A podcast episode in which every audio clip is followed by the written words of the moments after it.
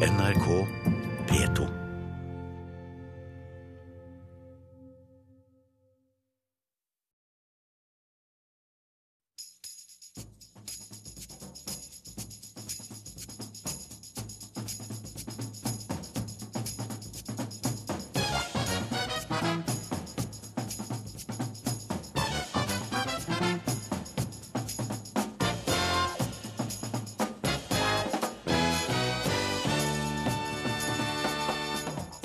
Det bør ikke være straffbart å ha sex med barn på 14 år, mener forsvarsadvokat. Bistandsadvokat Anne Kristine Bohinen er ikke enig. Én av fem i Ballangen kommune i Nord-Norge er uføretrygda.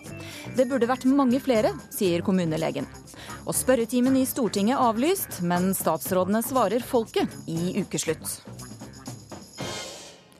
Hjertelig velkommen til ukeslutt her i NRK P1 og P2. Jeg heter Elisabeth Onsum. Og om et kvarters tid så skal vi også på åpningen av den store Munch-utstillingen sammen med eh, en av kunstnernes etterkommere og en hel del annet fint folk. Men først får du siste nytt med Eirin Årdal. En deltaker i sykkelrittet Bergen-Voss døde da han falt utfor ei 40 meter lang skråning i dag. Ulykka skjedde på Risnesveien i Arna. Sykkelrittet held fram som normalt etter ulykka, og arrangørene vil foreløpig ikke kommentere saka overfor NRK. En person er skadd etter ei arbeidsulykke på Sjursøya. Politi, ambulanse og brannvesen er på staden. Ifølge politiet er en person redda opp av vannet. I Istanbul i Tyrkia har politiet brukt tåregass mot flere hundre demonstranter som samla seg i gatene i dag. Styresmaktene har kalla inn politistyrker fra flere andre steder i landet, og deler av Istanbul er sperra av. I går ble flere mennesker skadde i lignende sammenstøyter. Demonstrasjonene starta som en protest mot bygging av et kjøpesenter, men er nå retta mot regjeringa.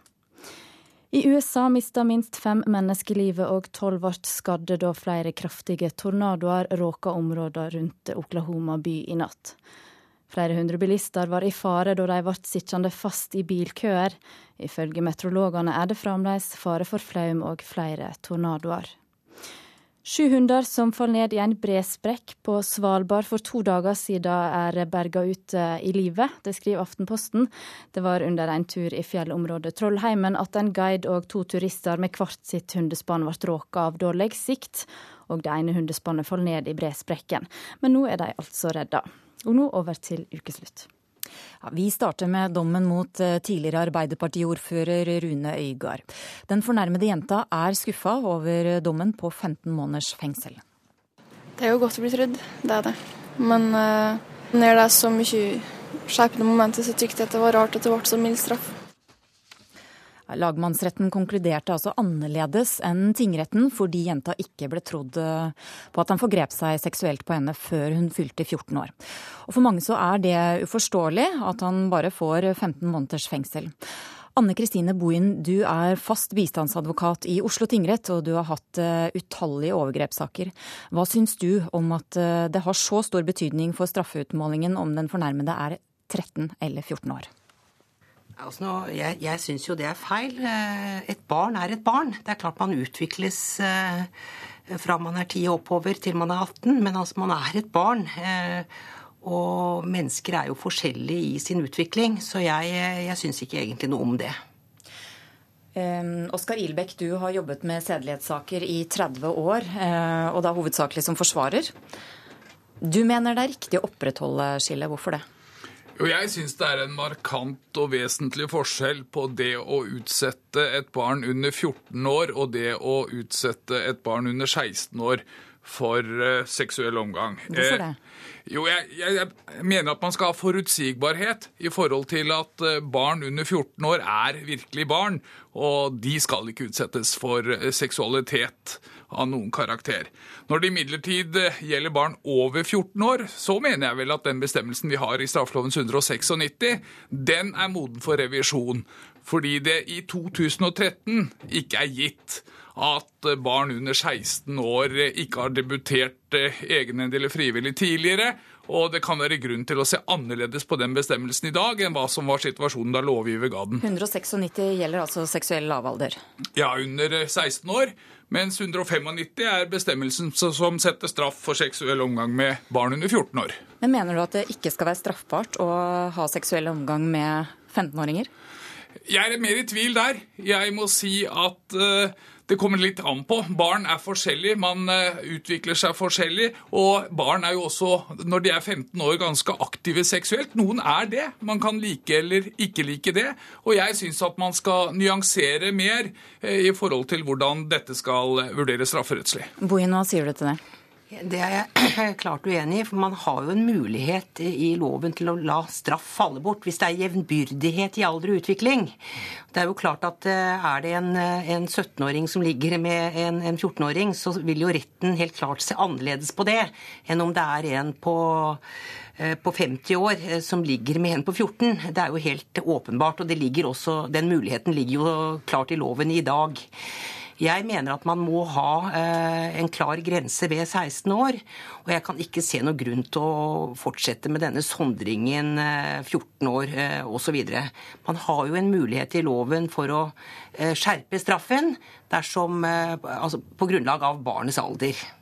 F.eks. er barn under ti år. Det fremgår, ja. ja. En del andre rettssamfunn som vi ellers liker å sammenligne oss med, sondrer jo ikke lenger med denne 16-årsgrensen. Og det er jo fordi vi i dag opplever at barn er veldig modne når de blir 15-16 år. Altså de debuterer tidligere seksuelt, og, og omstendighetene er ofte veldig annerledes enn hva som var situasjonen da denne loven ble laget i 1902. Men hvor skal grensen gå, da? Nei, Jeg har jo tilkjennegitt at jeg syns det er greit at det er en grense på 14 år. Altså Barn under 14 år skal ikke utsettes for, for noen former for sex. Det tror jeg de fleste vil være enig i. Og så mener jeg at man må differensiere, for så vidt gjelder eh, straffen for, øvrig. Da. Altså Hvis man skal opprettholde denne 16-årsgrensen, så bør man i hvert fall nyansere veldig i forhold til hva som faktisk sett har skjedd. Det finnes ikke to like saker, og det kan jo være veldig mange av disse 15-åringene som, som eh, ikke har opplevd dette som noe overgrep, mens andre 15-åringer tvert imot har fått ødelagt hele sitt seksualliv gjennom disse overgrepene. Og Der syns jeg kanskje ikke man har vært flink nok i praksis. Man går inn og ser på hvor gammel eh, fornærmede er, og så får man nærmest en automatisk straff i forhold til det. Men du tar altså til orde for at det i utgangspunktet ikke skal være straffbart å ha seksuell omgang med en 14-åring? Jo, altså, jeg, jeg, mener Har man fylt 14, så, så er man mer moden. Men jeg sier at dette er ikke lett. Jeg, vedkjenner... Men det er det du sier? Ja. Jeg, jeg, tror at bestemmelsen i dag er slik at man uh, må se på det faktiske samfunn som disse 14-15-åringene er en del av. Og, og, da tror jeg at uh, sett med mo mer moderne øyne, så er det grunn til å, å se på den bestemmelsen i hvert fall en gang til. Nei, Som sagt så er jo loven laget for å beskytte den svake mot den sterkere part, og da, da må man sette en grense. Og, og, det ligger eh, som sagt i loven uh, i dag at man, man, man sondrer. Er det jevnbyrdighet? Ligger f.eks. ungdommer med hverandre, så vil jo det bli sett helt annerledes på uh, enn, er, enn, der det er en, en betydelig alders, aldersforskjell. Og jeg syns det er viktig at vi i samfunnet markerer en klar grense, også ut ifra den forutsigbarheten som Ilebekk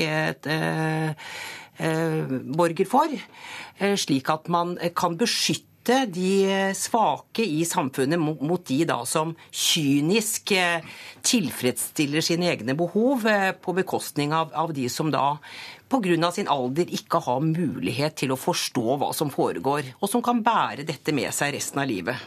Men tror dere at vi kan få en endring i 196? Ja, Jeg tror det.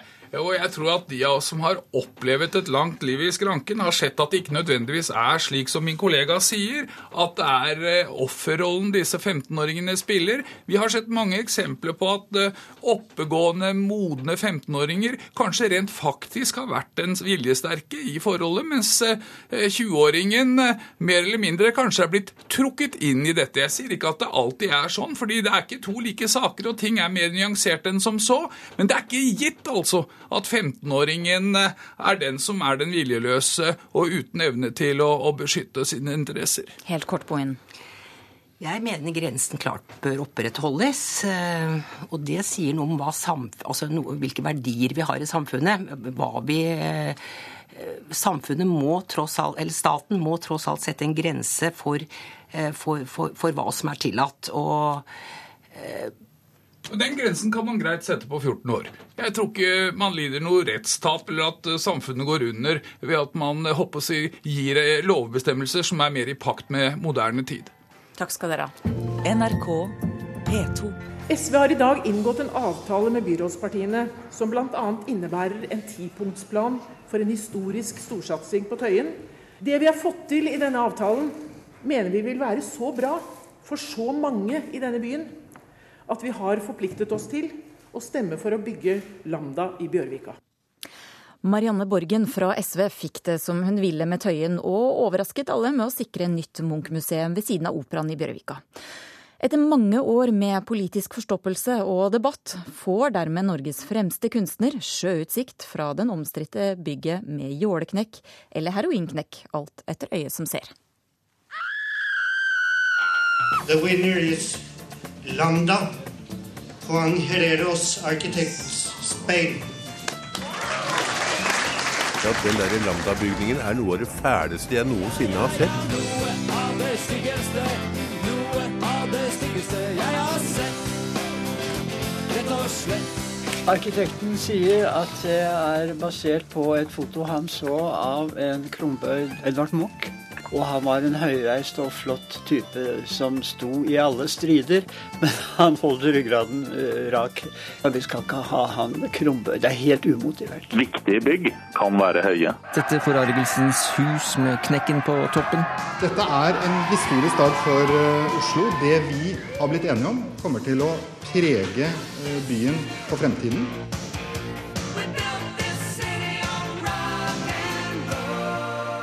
Et litt dumt og enkelt og upoetisk byggverk. En knyttneve som er reist midt i Bjørvika. At I 2005 så stemte hele bystyret, alle partiene i bystyret stemte for at Munch-museet skulle være på Tøyen. Det har nemlig vært SVs primærstandpunkt hele veien. Enigheten har kommet i stand etter at SV nå snur og går inn for nytt Munch-museum. Eh, men det viktigste for SV hele veien har vært å bidra til at det blir et nytt Munch-museum. De mange penger! Du raka blak. Jeg er veldig forbauset, men SV har jo snudd flere ganger på denne saken. Og, så de har jo i realiteten byttet og sikrer et enormt kostbart prosjekt i Bjørvika uten å få noe særlig igjen. Han bytte bort kua, fikk fela igjen. Byrådspartiene har da lovet bort en 2000 millioner tillegg, sammen med sosialistene. Vi løser Oslo-politikkens største gordiske knute. Radioteatret har sendt Knute på tråden. Uh, Alexander den store han benyttet jo sverdet. Han har hogget den knuten uh, over i to. Jeg tror vi har kommet over den tiden da vi bruker sverdet til å hogge med. Vi er et, nå et opposisjonsparti. Tidligere var vi et vennligsinnet opposisjonsparti.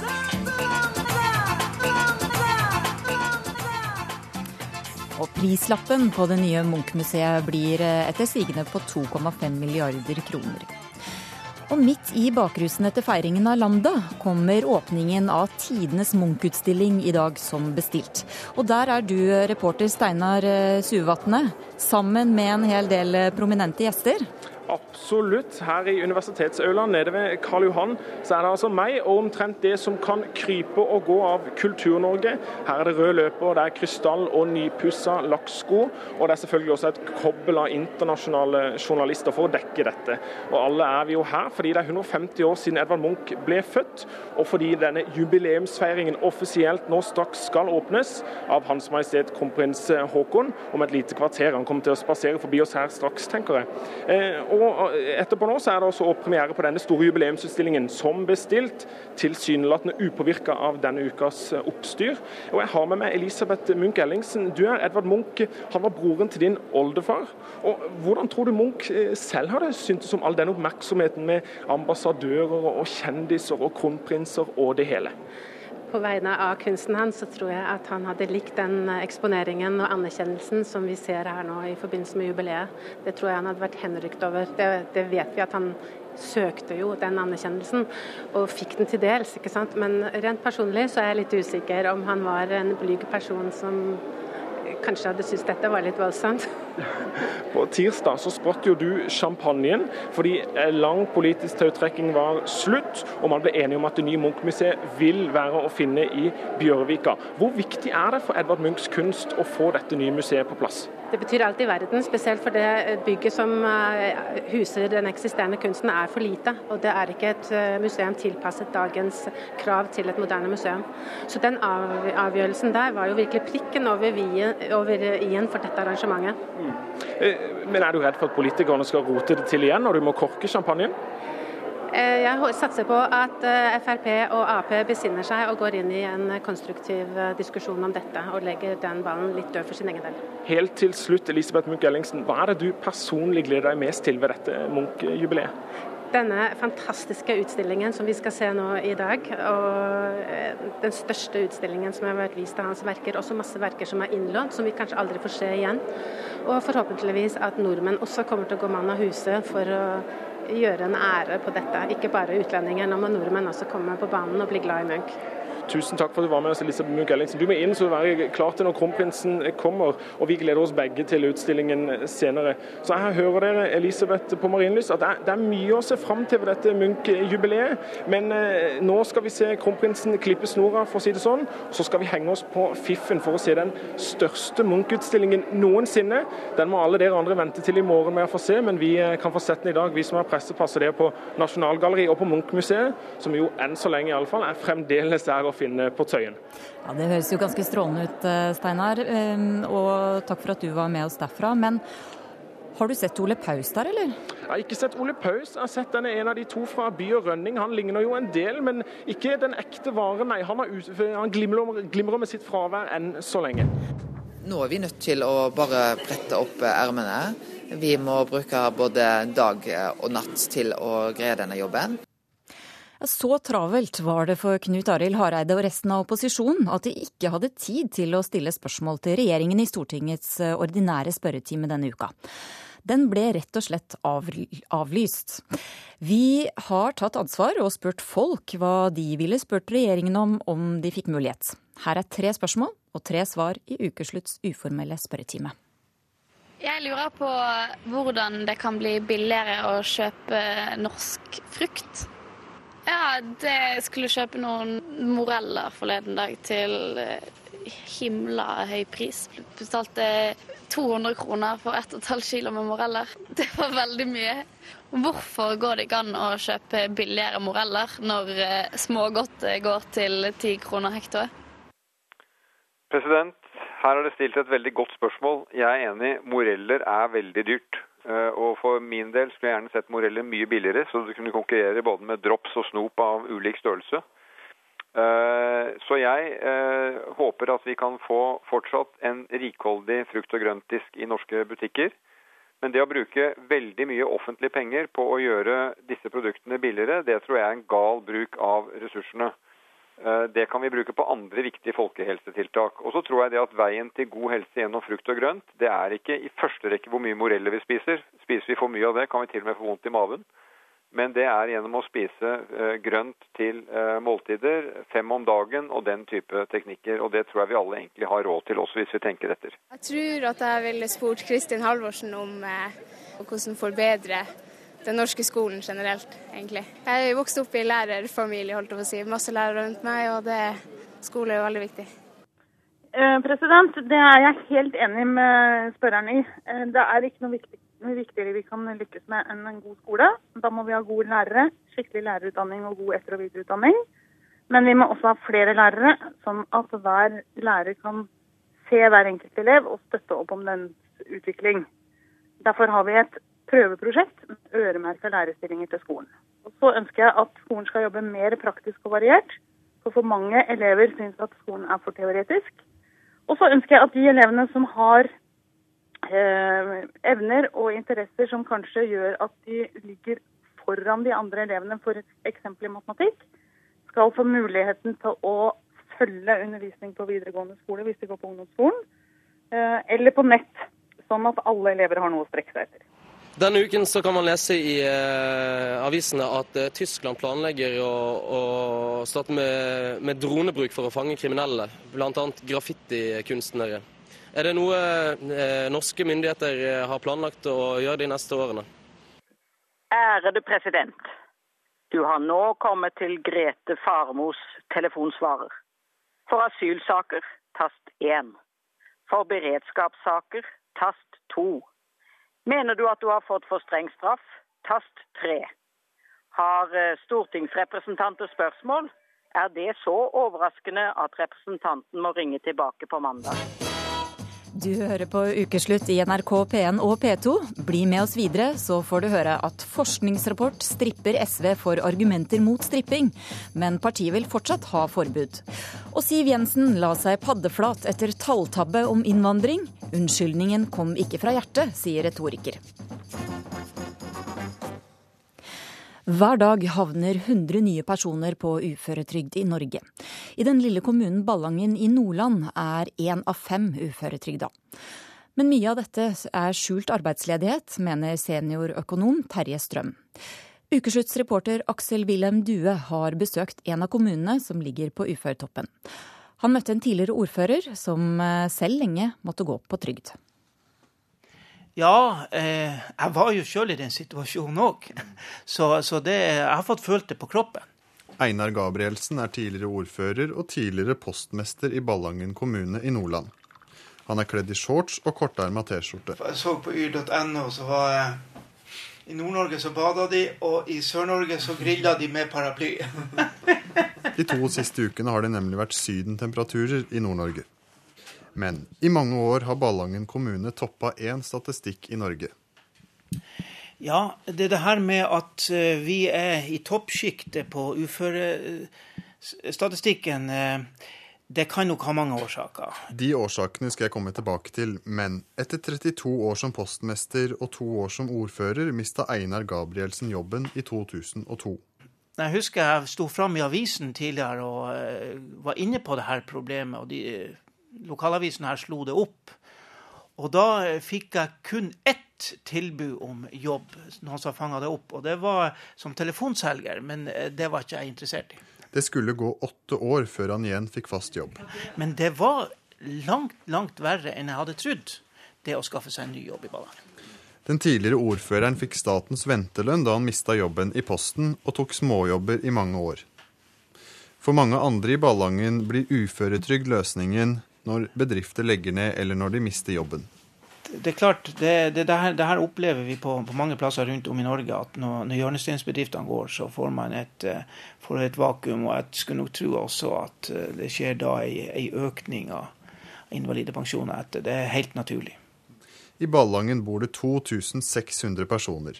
De har et badeland, et utsalg av Harley Davidson motorsykler og tre matvarebutikker. Det har vært mange nedleggelser i Ballangen kommune. Eh, ja, eh, absolutt. Eh, ikke bare bergverk eh, har hatt denne skjebnen med, med å eh, måtte lagt ned. Telenor hadde eh, ansatte. Forsvaret hadde. Posten hadde. Men det er da fortsatt noe næringsliv igjen i bygda. Nå er vi jo da i VVS-huset i Ballangen. I et lite butikksenter med to butikker har Daniel Framvik rørleggerbutikk. Man blir jo litt, litt overraska ut av de tallene. Og eh, det er klart at eh, når man er på en liten plass sånn her, så eh, når man drar forbi og drar innom kafeen ganske i åtte-ni-tida på morgenen, så sitter jo kanskje så jo noen stykker. Så på den måten så kan man jo se det. Han ser at for mange så blir uføretrygd løsningen når de blir for syke for den jobben de har det er jo det som er at hvis de ikke har noen annen mulighet, de klarer ikke å være i den jobben som er, hva du skal gjøre da? Uføretrygd, antageligvis. Det er ikke noen annen løsning, for vi, vi har ikke noe annet å tilby her. Alle peker på jobbmulighetene som en av grunnene til at Ballangen er på uføretoppen. Men Framvik tror også det ligger mer bak statistikken. Og noen har eh, andre typer jobber for at de kan bare tjene så og så mye det er ikke lov å tjene noe mer. Og noen føler seg usikre på for at de tror ikke de har den, den kompetansen som skal til. Mm. Og noen er kanskje rett og slett ikke interessert. Jeg skal snart fortsette min reise i Ballangen, men først en tur tilbake til hovedstaden, nærmere bestemt NHO. Vil du ha meg her? Hvis du kan sitte her, så kan, ja. så kan jeg sitte her. Ja, Svein Oppegård, NHO. Jeg er ansvarlig for arbeidslivspolitikken i NHO. De mener at mange av de som står utenfor arbeidslivet, egentlig kunne vært i jobb. Uføretrygd er jo en viktig del av vårt velferdssystem. Og de som er uføre, de som ikke er mulighet for arbeid, de skal ha de ytelsene. Ja, selvfølgelig skal de ha det. Men det er jo alltid gråsoner, og derfor er det så veldig viktig at man tar hensyn til disse gråsonene og sørger for at flest mulig vris over i et ordinært arbeidsmarked. Men da må folk flytte på seg? Ja, altså litt større mobilitet tror jeg ikke ville skade noen ting. Og det har alltid vært slik at folk har flyttet dit hvor arbeidsplassene fins. Man kan ikke forvente at det er, er arbeid overalt til enhver tid. Sjeføkonom i rådgivningsfirmaet Ny Analyse, Terje Strøm, sitter med et norgeskart foran seg. Det viser egentlig at det er store regionale forskjeller da, når det gjelder eh, andelen som er på uføretrygd i landet vårt. Han mener det er for mange som får uførepensjon, og at flere kunne bidratt. Så er det det at i Norge så skjuler vi nok en del av arbeidsledigheten på det som er eh, arbeidsavklaringspenger, som tidligere var en midlertidig uføretrygd, egentlig. Og eh, den uførepensjonen som altfor mange har, er nok også en form for skjult ledighet, selv om selvfølgelig mange av disse ikke er friske nok til å arbeide fullt. Det er de gamle direktørboligene til Bjørkåsen gruver. Ja. Det der var prestebolig i mange år. I bar overkropp som ligner en sprek 40-årings, står pensjonert kommunelege Håvard Finn og viser fram det som er igjen fra den store gruvedrifta i Ballangen. Og like bortfor garasjen her så var den gamle tennisbanen til direktørboligen. Ja. og en ridebane litt lenger opp. så, så det var tilstander den gang. I 42 år var han kommunelege i Ballangen. Er folk eh, i Ballangen mer syke enn andre steder i landet, tror du? Nei, jeg har ingen grunn til å tro det. Det er mange krav for å få uførepensjon, bl.a. sykdom eller skade som gjør at du ikke lenger fungerer i den jobben du er i. Det har vært skuldre, nakke, rygg er jo de mest fremtredende. Det har vært det helt dominerende. Eh, den andre gruppen, det har vært eh, psykiske plager i form av depresjon og angst. I motsetning til økonomen vi akkurat hørte, mener Håvard Finn at det er altfor få som får uføretrygd. Ja, min Altså, jeg tror at, at det burde vært langt flere som hadde uførepensjon. Eh, man burde, burde redusert eh, kravet til, eh, til arbeidsførhet eller til inntektsevne fra 50 til 25% for å kunne få en uførepensjon. Da kunne folk med verdighet trappa ned eh, sitt arbeid og deltatt på en positiv måte i arbeidslivet, også med en lettere redusert kapasitet. Torbjørn Røe Isaksen, du sitter i arbeids- og sosialkomiteen på Stortinget for Høyre. Én av ti er uføre på landsbasis. Hvordan ser du på det?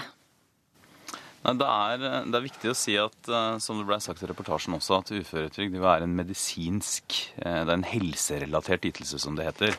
Så det at folk som er syke får en anstendig trygd, det er jo bra. Problemet det er jo at når vi ser på tallene og ser på prosessen og veien som leder folk inn i uføretrygd, så vet vi at vi punkt én kunne fått flere tilbake eller inn i arbeidslivet. Og så vet vi punkt to at mange av de som er uføre, kunne jobbet og vil jobbe litt mer eller, eller mye mer enn det de har muligheten til i dag. Det er et kjempeproblem. Men sier du nå at ikke alle de som mottar uføretrygd, har, i, har behov for det? Nei, det sier jeg ikke, men jeg sier at mange som mottar uføretrygd også kan jobbe litt. Anette Trettebergstuen, du sitter i samme komité på Stortinget, men for Arbeiderpartiet. Hvordan ser du på at statistikken fortsatt er så høy? Ja, jeg vil jo si at det er for mange som blir uføre.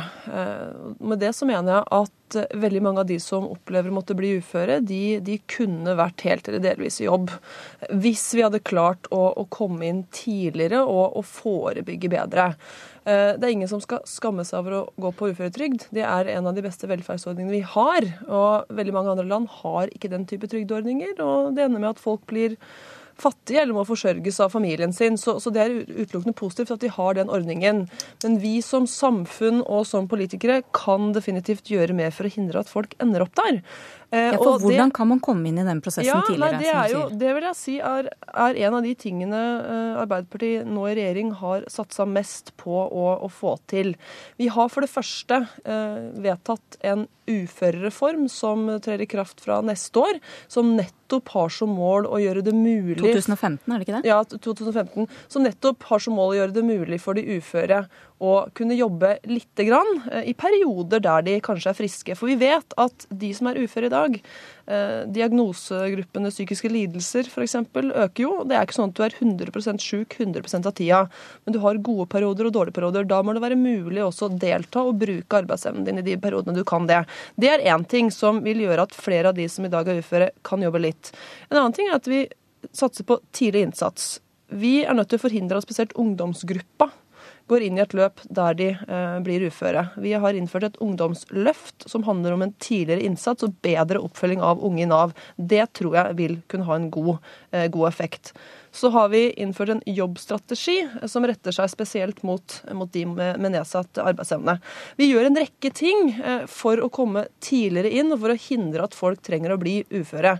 Og tallene peker jo i riktig retning også. Eh, selv om eh, mange blir uføre, så går andelen uføre i befolkningen ned. Men økningen er jo størst blant de unge. Økningen blant de unge er bekymringsfull, det er jeg helt enig i. Eh, og Det er derfor vi også har et ekstra innsats retta mot de unge. Men vi ser at sykefraværet det går ned. Antall personer på arbeidsavklaringspenger går ned. Og det vitner også om at vi kommer til å se igjen det i uførestatistikken i framtida. Røe Isaksen, dette høres da betryggende ut? Ja, Det er mye som jeg er enig i her, men problemet til regjeringa er at nå har de sittet i åtte år. Eh, og uføreandelen den har eh, stabilisert seg på et veldig høyt nivå. Og hvis man tar med de på andre ytelser, f.eks. arbeidsavklaringspenger, sosialhjelp, den type ting, så ser vi at veldig mange mennesker i Norge de er utenfor arbeidslivet og kommer ikke inn igjen. Eh, og da er det, syns jeg alltid det er merkelig når regjeringa liksom klapper seg selv på skulderen og sier at, at det har i hvert fall ikke blitt flere uføre. Hvis man hadde hatt 10 arbeidsledighet i Norge og klart å holde det på 10% så er det ingen som hadde vært fornøyd med det. Og det kan vi heller ikke være i det tilfellet her. Jeg synes Eksempel på, på hva regjeringa burde gjort, det er at en vei ut eh, eller tilbake til arbeidslivet for mange, det er det som heter tiltaksplasser. Som rett og slett er at du får en form for arbeidstrening som ideelt sett skal være tilpassa deg og dine behov.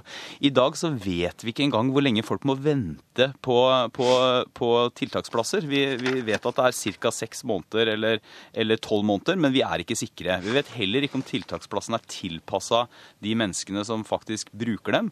Vi vet at fryktelig mange får, eh, trenger flere tiltak. Vi aner ikke hvor lang ventetida er mellom tiltakene. Så på den sektoren her så har regjeringa latt det skure og gå i åtte år Nei. uten å gjøre noe. Nei, dette er litt feil. Altså jeg, for det, det, vil jeg bare si at jeg er opptatt av at så lenge det fins én person som ikke hadde trengt å bli ufør dersom vi hadde fulgt opp godt nok, som blir det, så har vi ikke gjort en god nok jobb. Men vi må faktisk rydde opp i, i, i tallforvirringen her. For Torbjørn Isaksen sier at vi har latt det skure og gå. Eh, det er ikke riktig. Altså Andelen av befolkningen som er ufør i dag, er lavere enn da vi tok over regjeringskontorene i 2005. Samtidig så vet vi at eh, at befolkningen øker. Eh, andelen av de eldre i befolkningen øker, og det er jo disse som først og fremst blir uføre.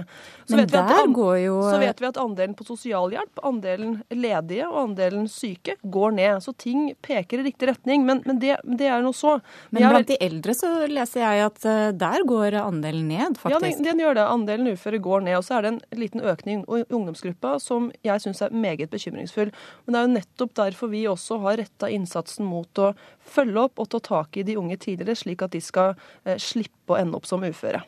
Men jeg syns ikke den innsatsen altså jeg, jeg, Det er veldig bra at dere har gjort lite grann. Eh, dere har gitt 30 millioner til et sånn ungdomsløft. Eh, og det er fint, det, men det er jo veldig, veldig lite, da. Eh, og dere har ikke gjort noe med den helt grunnleggende problemstillinga, nemlig at hvis du f.eks. går på en psykisk knekk eh, og får en psykisk lidelse som 25-åring, faller ut av eh, utdannelse og arbeidsliv og har et behov for å være borte i fem år, så er svaret vårt i dag det er permanent uføretrygd.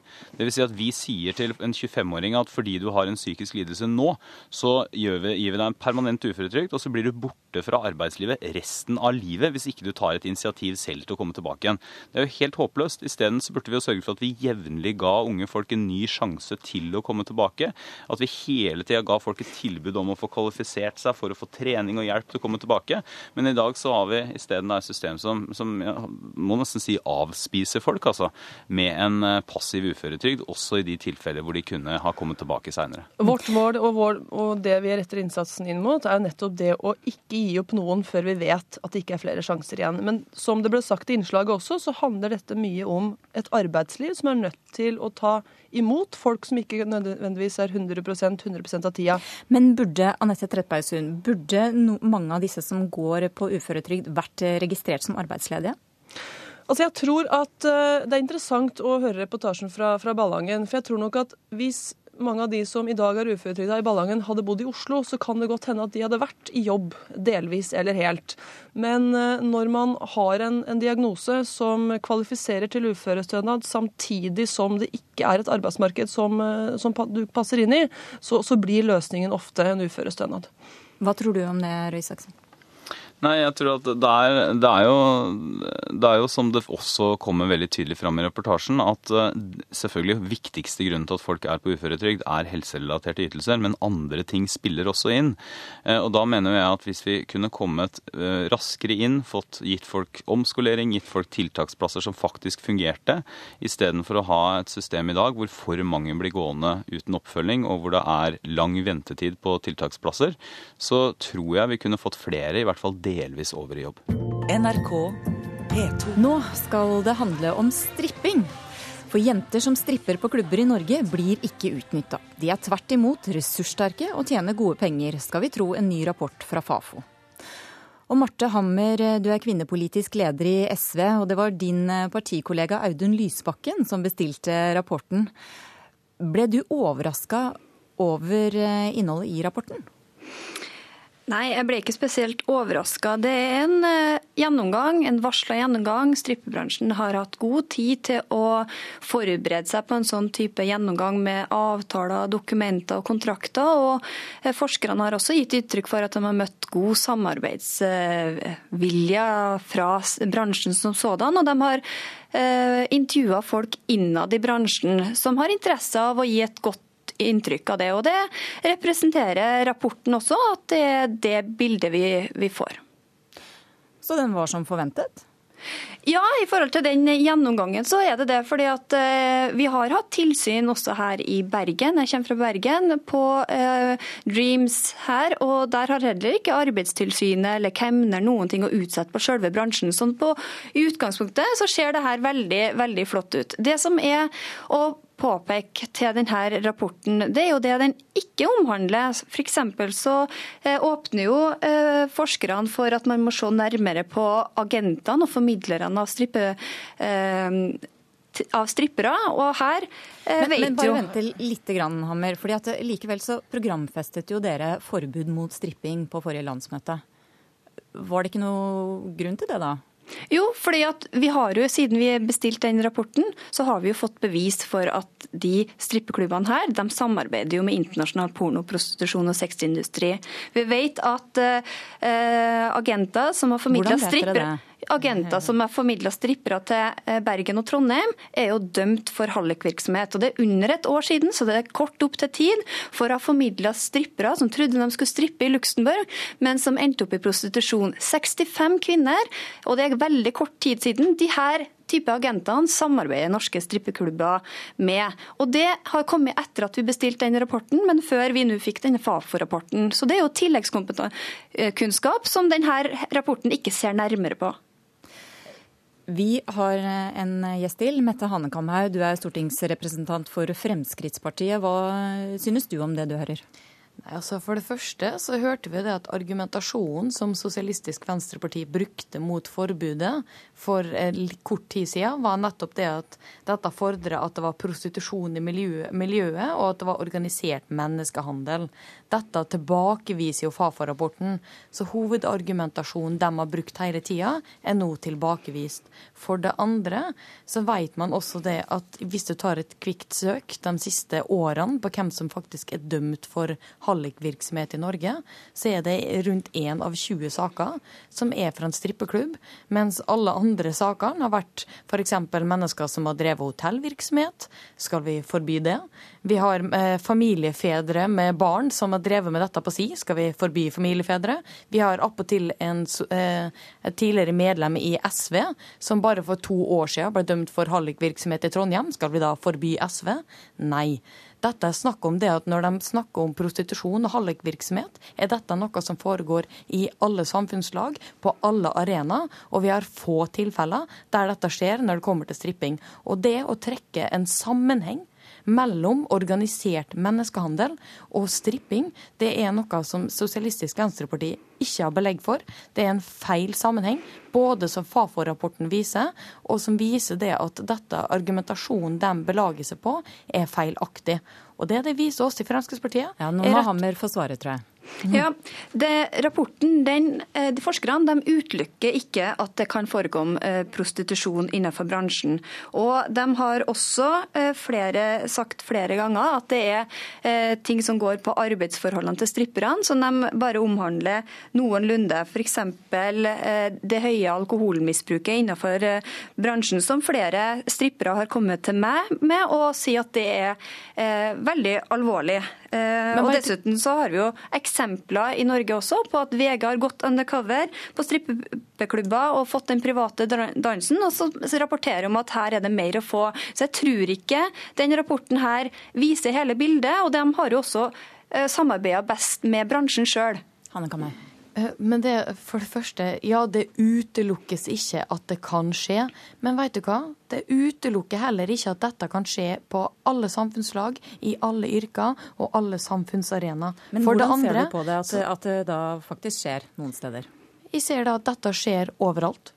Og det å ta en helt legitim bransje, som da stripping er, som er voksne, frie kvinner som har valgt et yrke og en kunstform som de mener er rett, det er bare det at sosialistene ønsker å ha en formanende moralsk pekefinger, og ønsker å forby det de ikke liker. Og det er det vi ser her. Vi ser politikere som på subjektivt grunnlag har valgt at de ikke liker at enkelte kvinner ønsker å uttrykke seg gjennom å kle av seg eller danse eller akrobatikk på høyt nivå, som dette faktisk er, og velger å forby det. Vi i Fremskrittspartiet vi mener at man må ha respekt for kvinner sitt valg, og selv om du ikke liker det eller ikke, det er ikke opp til det. Du skal respektere andre sine valg, og det er det dette er snakk om. Er dere moralister, Hammer? Nei, og vi har ikke noe problem med nakenhet heller. Vår stortingsrepresentant han eh, gikk jo naken, eller sto jo opp naken i Dagbladet her i forbindelse med vedtaket vårt på landsmøtet, så det her handler ikke om angst for nakenhet eller sådan. Eh, det her, som de forskerne også sier, er jo at det eh, strippemiljøet det har, legger jo til rette for at man kommer i kontakt med folk som er ute etter prostitusjon. Og jeg ble jo veldig overraska, fordi at her prøver man å sette et veldig klart skille mellom stripping på den ene sida og prostitusjon på den andre sida. Disse har ingenting å si. Men Hege Grostad, som har vært en veldig kjent stripper og vært på nyhetene og sånne ting, og forsvart det at nei, her stripper man og man er ressurssterk, sto jo frem som prostituert for bare under en måned siden. Og det viser jo Og jeg sier at hun har, hun har jo prostituert seg i to år, og det viser at her er miljøene veldig kobla sammen. Strippemiljøet og prostitusjonsmiljøet, det går hånd i hånd. Om det Hammer, eh, Hanne kan jeg må få svare veldig veldig kort, for vi må avslutte. Men det med at det går hånd i hånd, den siste tida vi har sett på prostitusjon, er jo det at det er flere studenter for eksempel, som velger å prostituere seg ved siden av. Skal vi da si at studier og prostitusjon går hånd i hånd? For det andre, når det snakker om det at dere er for blotting, da bryter dere faktisk norsk lov med det at du blotter det ufrivillig foran andre mennesker. Det skal være greit for eldre menn i SV, men ikke at kvinner velger å ta det som et yrke. Det blir feil, det er moraliserende. Takk skal dere ha, Marte Hammer og Mette Hanekamhaug.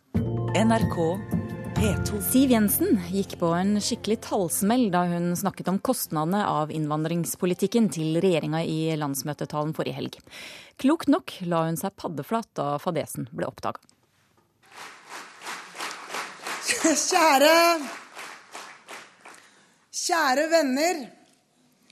Kjære jubilanter. Det begynte så bra. Siv Jensen entrer talerstolen på FrPs landsmøte til trampeklapp, uten manus, slik hun liker det best. Men mine damer og herrer, da står den norske modellen i veien for det norske folk. Men så gikk noe galt. Fryktelig galt. Siv Jensen, som ligger godt an til å bli vår neste finansminister, bommet stygt på regnestykket over hva dagens innvandringspolitikk vil koste. Bare i fem år til! Bare i fem år til! Så har man beregnet at kostnadene ved den politikken vil være 4100 milliarder kroner. Og la meg forklare dere hvor mye penger det er. Det er hele oljefondet vårt pluss statens aksjer i Statoil til sammen. Telle jevnt og riktig, det er veldig viktig. Én og to og tre, og én og to og tre. Ja, Det er en gåte for meg at hun kunne gjøre det. Bare tenke på det tallet, 4100 milliarder på fem år. Det er en så svimlende sum at det burde ha ringt ganske mange bjeller med en gang. Håvard Narum er tidligere politisk kommentator i Aftenposten. Det styrker i hvert fall ikke hennes troverdighet som en eventuell fremtidig finansminister at hun da med et slikt patos som vi hørte her, fremfører et slikt regnestykke. Bare i fem år til! Bare i fem år til! Det er jo ikke noe ukjent fenomen at, at partiledere på landsmøtetaler, og spesielt i valgkamper, kanskje hvor et Absolutt spesielt når et parti ligger litt dårlig an. og Det kan det hende at Frp gjør nå, det vet vi ikke så veldig mye om, fordi meningsmålingene spriker mye. Men de er usikre. Og da blir man forledet kanskje til å ta litt hardt i for å få de egne med seg. Her er det naiviteten som står i veien for fornuften.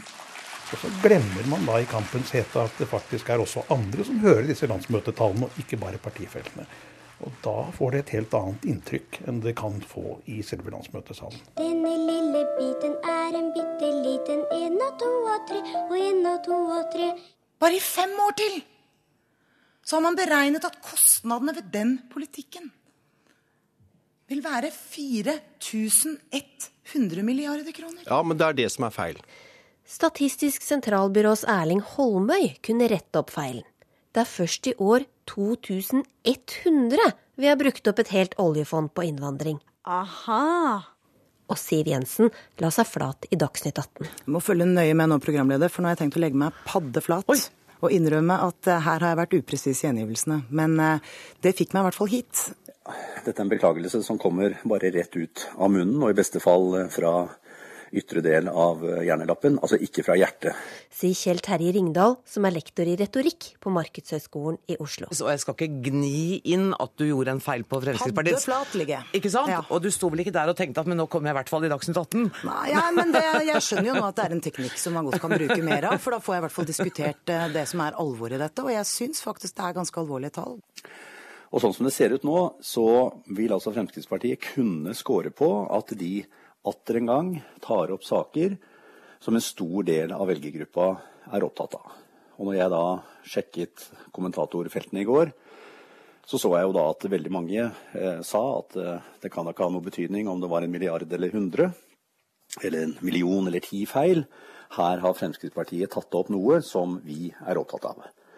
Og Sånn sett så kan altså dette bli en sak hvor du helt klart har gjort en feil, og hvor du må, i henhold til spillereglene, legge deg flat, men som likevel ikke behøver å bli det store problemet. En og to og tre. Reporter var Linn Beate Gabrielsen. Men du holder deg vel unna talltull, statsmeteorolog Espen Biseth Granan? Ja, jeg prøver så godt jeg kan i hvert fall. Og eh, Vi kan ta et værvarsel som gjelder til søndag klokken 24. Aller først et obs-varsel for Nord-Norge og Trøndelag, hvor det er lokal stor lyng- og gressbrannfare inntil det kommer nedbør av betydning. Så temperaturutsikter. Finnmark får uendret til litt lavere temperatur. Spitsbergen uendret, ellers lavere temperatur. Fjell i Sør-Norge. Langfjella nordvestlig frisk bris. Søndag økende til liten kuling. Ellers skiftende bris, senere nordlig frisk bris. Regnbyger. Utpå søndag overgang til sludd- og snøbyger over ca. 800 meter til 1000 meter. Østlandet, Aust-Agder og Telemark. Skiftende bris, regnbyger, lokal torden. På søndag vesentlig nord for Oslo. På kysten mye pent vær. Vest-Agder. På kysten nordvestlig frisk bris, stiv kuling vest for Lindesnes. Regnbyger, lokal torden i dag. På kysten mye pent vær. Rogaland og Hordaland. Nordvest liten kuling på kysten. Sør for Oberestad stiv kuling. Søndag periodevis stiv kuling langs hele kysten. Enkelte regnbyger. Sogn og Fjordane nordvest periodevis liten kuling på kysten, lokal tåke, regnbyger. Møre og Romsdal og Trøndelag skiftende bris, lokal tåke, regnbyger, indre strøk, lokal torden. Søndag nordvest periodevis frisk bris på kysten, regn og regnbyger. Helgeland, Saltfjellet, Salten og Ofoten. Skiftende periodevis frisk bris, enkelte regnbyger og perioder med sol, lokal torden. Lofoten og Vesterålen skiftende periodevis frisk bris og pent vær. Troms sørøstlig bris, lokal solens bris og pent vær. Fra søndag formiddag sørvestlig bris, enkelte regnbyger og lokal torden. Finnmark på kysten østlig, ellers sørlig bris, av og til liten kuling. Pent vær. Fra søndag formiddag enkelte regnbyger og lokal torden. Nordensjøland på Spitsbergen skiftende bris. Søndag østlig liten kuling. Om ettermiddagen kan hende stiv kuling og oppholdsvær. Og det var værvarselet. Ukeslutt er slutt. Takk for følget. Reprisen går i Alltid nyheter klokka 16.03 i ettermiddag, og stikk veldig gjerne innom Facebook-siden vår også. Ansvarlig for denne sendingen var Kari Li. Teknisk ansvarlig Hanne Lunås, Guri Hersberg Finsen. Det var to stykker, det. Og skript var Susanne Sunde. Jeg heter Elisabeth Onsum.